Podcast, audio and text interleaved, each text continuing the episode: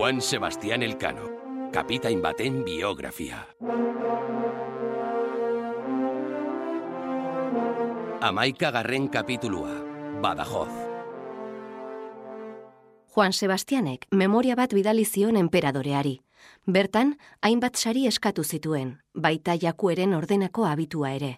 Baina ia eskaera denak ukatu zizkioten. Pigafeta espedizioko kronikari famatua gortean zen garai hartan, eta kapitainaren aurkako salaketa larriak egin zituen susmoa dago. Alata guztiz ere, Juan Sebastian oso pertsona baliotsua zen, bai bidaian bildutako esperientziagatik, bai uarteetako erregeentzat ezaguna izateagatik. Hala, armarri berezi bat eramateko privilegioa jaso zuen enperadorearen eskutik. Urre koloreko gaztelu bat zen, eta bikanela makilekin osatutako gurutze bat zuen. Beste espezia batzuk ere ageri ziren bertan. Gainean, kasket bat zegoen, hitz hauekin. Primus circumdedisti me, circumnabigatu nauzun lehena izan zara. Espezien uarte dia aurkitu, eta espezia gure erresumara ekarri dituen lehena izateagatik, gure naia da urrezko bosteun dukat ematea zuri urtero, zure bizitza osoan. Gaur egunera ekarrita, sari horrek berreunda berrogeita marmila euroren balioa izango luke.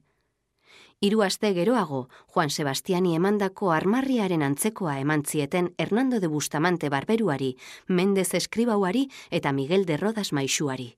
Baina bazen Juan Sebastian kezkatzen zuen gai delikatu bat. Urte batzuk lehenago, legea urratuz itxasontzia saldu zueneko delitua hain zuzen, baina berriro ere enperadoreak bere alde egin zuen. Nik itxasontziura atzerritarrei saltzeagatik merezi duzun zigor zibil edo kriminal oro barkatzen dizut. Victoria itxasontzian ekarritako espeziak saldu zituzten. Eta zortzi milioi marabedi lortu zituzten, gaur egungo amar milioi euro inguru. Zenbateko ikaragarria zen itxasontzi bakarrarentzat.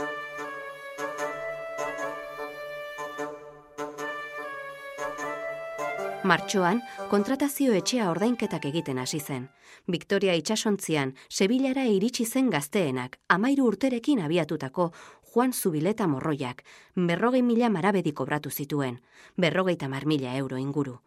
Juan Sebastianek berriz, itxasontziko kapitaina izateagatik zegokion hiltzeari esker, seireun mila marabeditik gorako dirusarrerak lortu zituen. Zenbateko horri esker, Victoria itxasontziaren antzeko beste bi erosia izango zituen. Espezien uarteetarako itxasbidea irekita zegoenez, beste armada bat bidali behartzen. Urtea amaitu baino lehen, indietako kontseiluaren oniritziarekin Carlos Bosgarrenak espezientzako beste kontratazio etxe bat eratzeko agindu zuen, koruñan hain zuzen. Handik abiatuko da espedizio berria. Arti eta kapitainak denbora zeraman horretan lanean bizkaian. Erregeak bazekien Bermeon itxasontzi dotore bat eraikitzen ari zirela. Jakin dut, Bermeo iribilduko ontziolan, irureun eta berrogeita amartonako itxasontzi bat dakoela, egur bikaina zegina. Bermeon eraikitako itxasontzi ura izango zen Victoria berria. Lehenengoaren omenez jarri zioten izen hori. Artietak ontzidi horretarako lau itxasontzi eraikitzeko enkargua jaso zuen.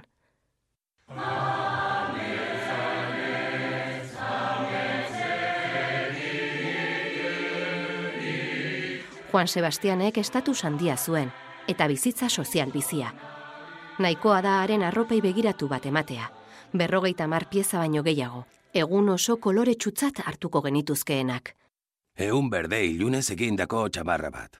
Belusezko jantzi luze urdin bat zilarreztatua. Satinezko jipoi koloretsua, setaz estalia.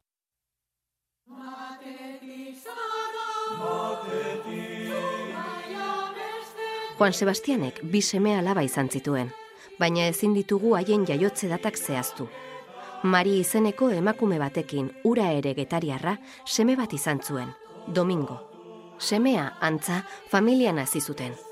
Juan Sebastianek oinordeko unibertsal izendatu zuen Domingo, baina mutikoa hilezkero, haren ondasunak ez ziren haren amarentzat izango, elkanotarrei itzuli beharko zizkieten. Hau da, Catalina amonarentzat izango ziren, Juan Sebastianen amarentzat. Catalina Portuk jarraitu zuen elkano familiaren lemazain, aritz gogor baten gixan. Juan Sebastianen alaba berriz, Valladoliden jaio zen. Han ezagutu baitzuen kapitainak Maria Bidaurreta. Juan Sebastianek ez du neskatuaren izena aipatzen testamentuan, agian ez zuen ezagutuko. Alere, idatzirik utzi zuen neskatuak lau urte betetzean getariara eraman behartzutela bizitzera. Garai hartako pentsamoldearen arabera gainera, erentzia jasotzeko lehen bizi behar bezala ezkondu beharko zen.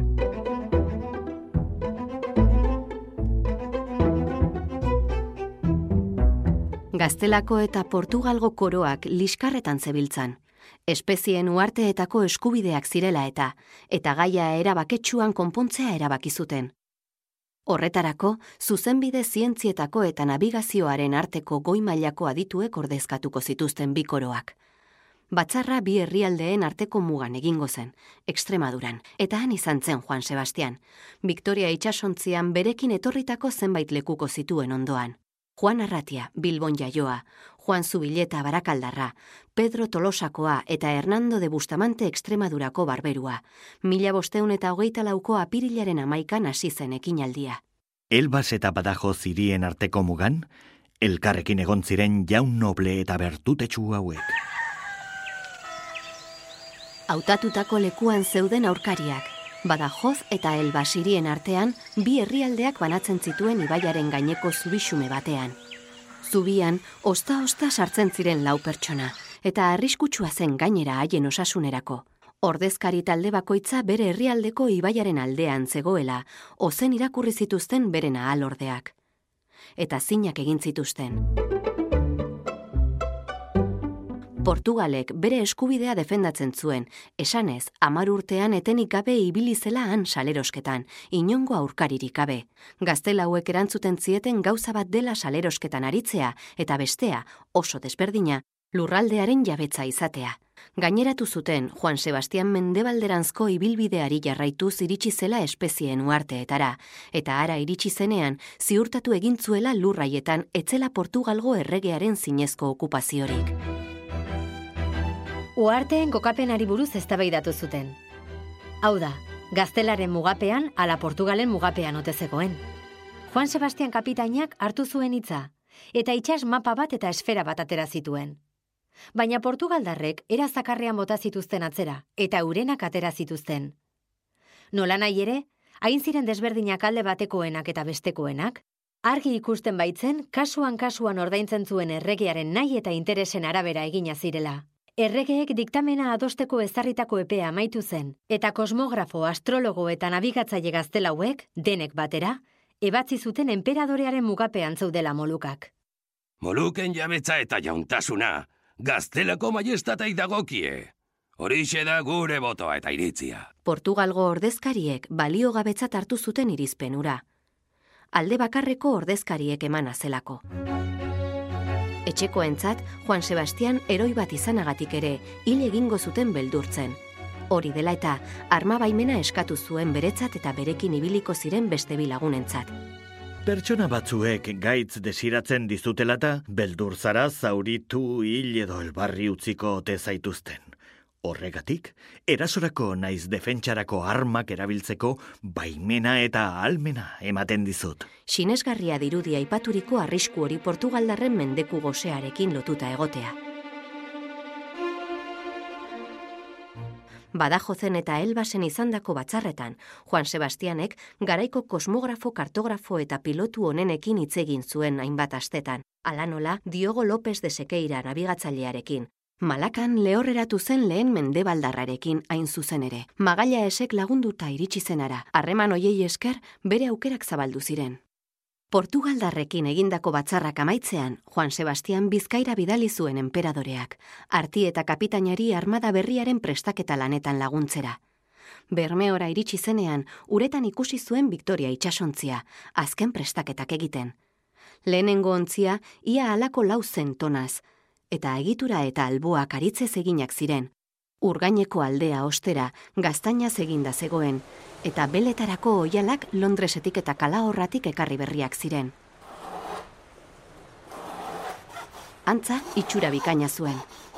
Bikestatzaileek alboak arinki errezituzten ote zuriz, eta gero, junturak zigilatzen hasi ziren.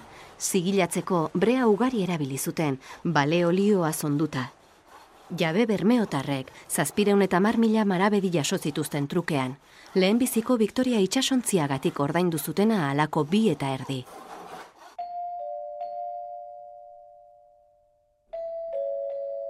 Pilotuentzat berunezko zundak, areazko erlojuak, orratzak eta altuera neurtzeko Jakoben balestak erosi zituzten.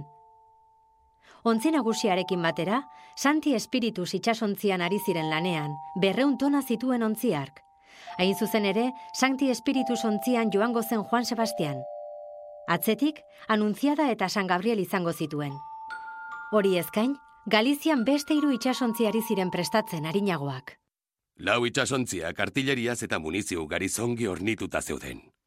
Burdinazko, berunezko eta karearrizko balak. Bala horiek egiteko burdinazko moldeak eta zaliak. Eta bolbora asko. Gehiena ondarribitik ekarri zuten, eta gainerakoa bilbotik. Irurogeita amabi balesta erosi genituen, eta dozenaka milak ezi. Erdietan, putren lumak zeuden txertatuta. Defentsarako berriz, berreun larruzko koraza harin eta bular babeseraman genituen, eta eskutu sorta handia. Menderakaitzentzat erpuruak lotzeko eskuburdinak erosi ziren, burdinazkoak, beren giltzarrapoekin, eta aizialdirako, danborrak eta panderetak. Horrezkain, amuko puru handia erosi zen, burdinazko kateei lotutakoak barne, marrazoak errapatzeko, bai eta altzairuzko aizkorak, eta era guztietako tresnak ere. Juan Sebastianek, zortzieun aizkora, burdinazko hainbat objektu eta eun sorta bat erosi zituen bere trukeak egiteko. Ardo zuriaren erosketa ere jasota dago, txakolina izango zela pentsatzen dugu. Hogeitona sagardo ere erosi zuten, ardoaren prezioaren laurdena ordainduta, berrikuntza bat izan zen ura errege ontzidietan. Mila boste honta hogeita bosteko urtarrilaren hasieran. Bermeotik Portugaletera joan ginen lau itxasontziekin. Juan Sebastian Elkanoren agindupean. Une oro, ondoan izaten zuen bere mirabea. Amazazpi urteko gaztea. Andres Urdaneta zuen izena. Portugaleten, berreun deirurogeita amabos gizonekin osatu genuen ontzidia. Haietatik eun bat euskaldunak.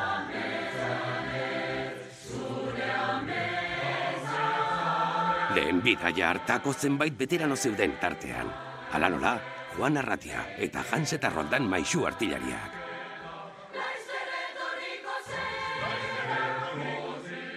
Espedizio honetan ere, Espainia osoko marinelez gain, atzerritar ugari joan ziren. Ingelesak, Flandriarrak, Greziarrak, Italiarrak, Frantziarrak eta Irlandarrak.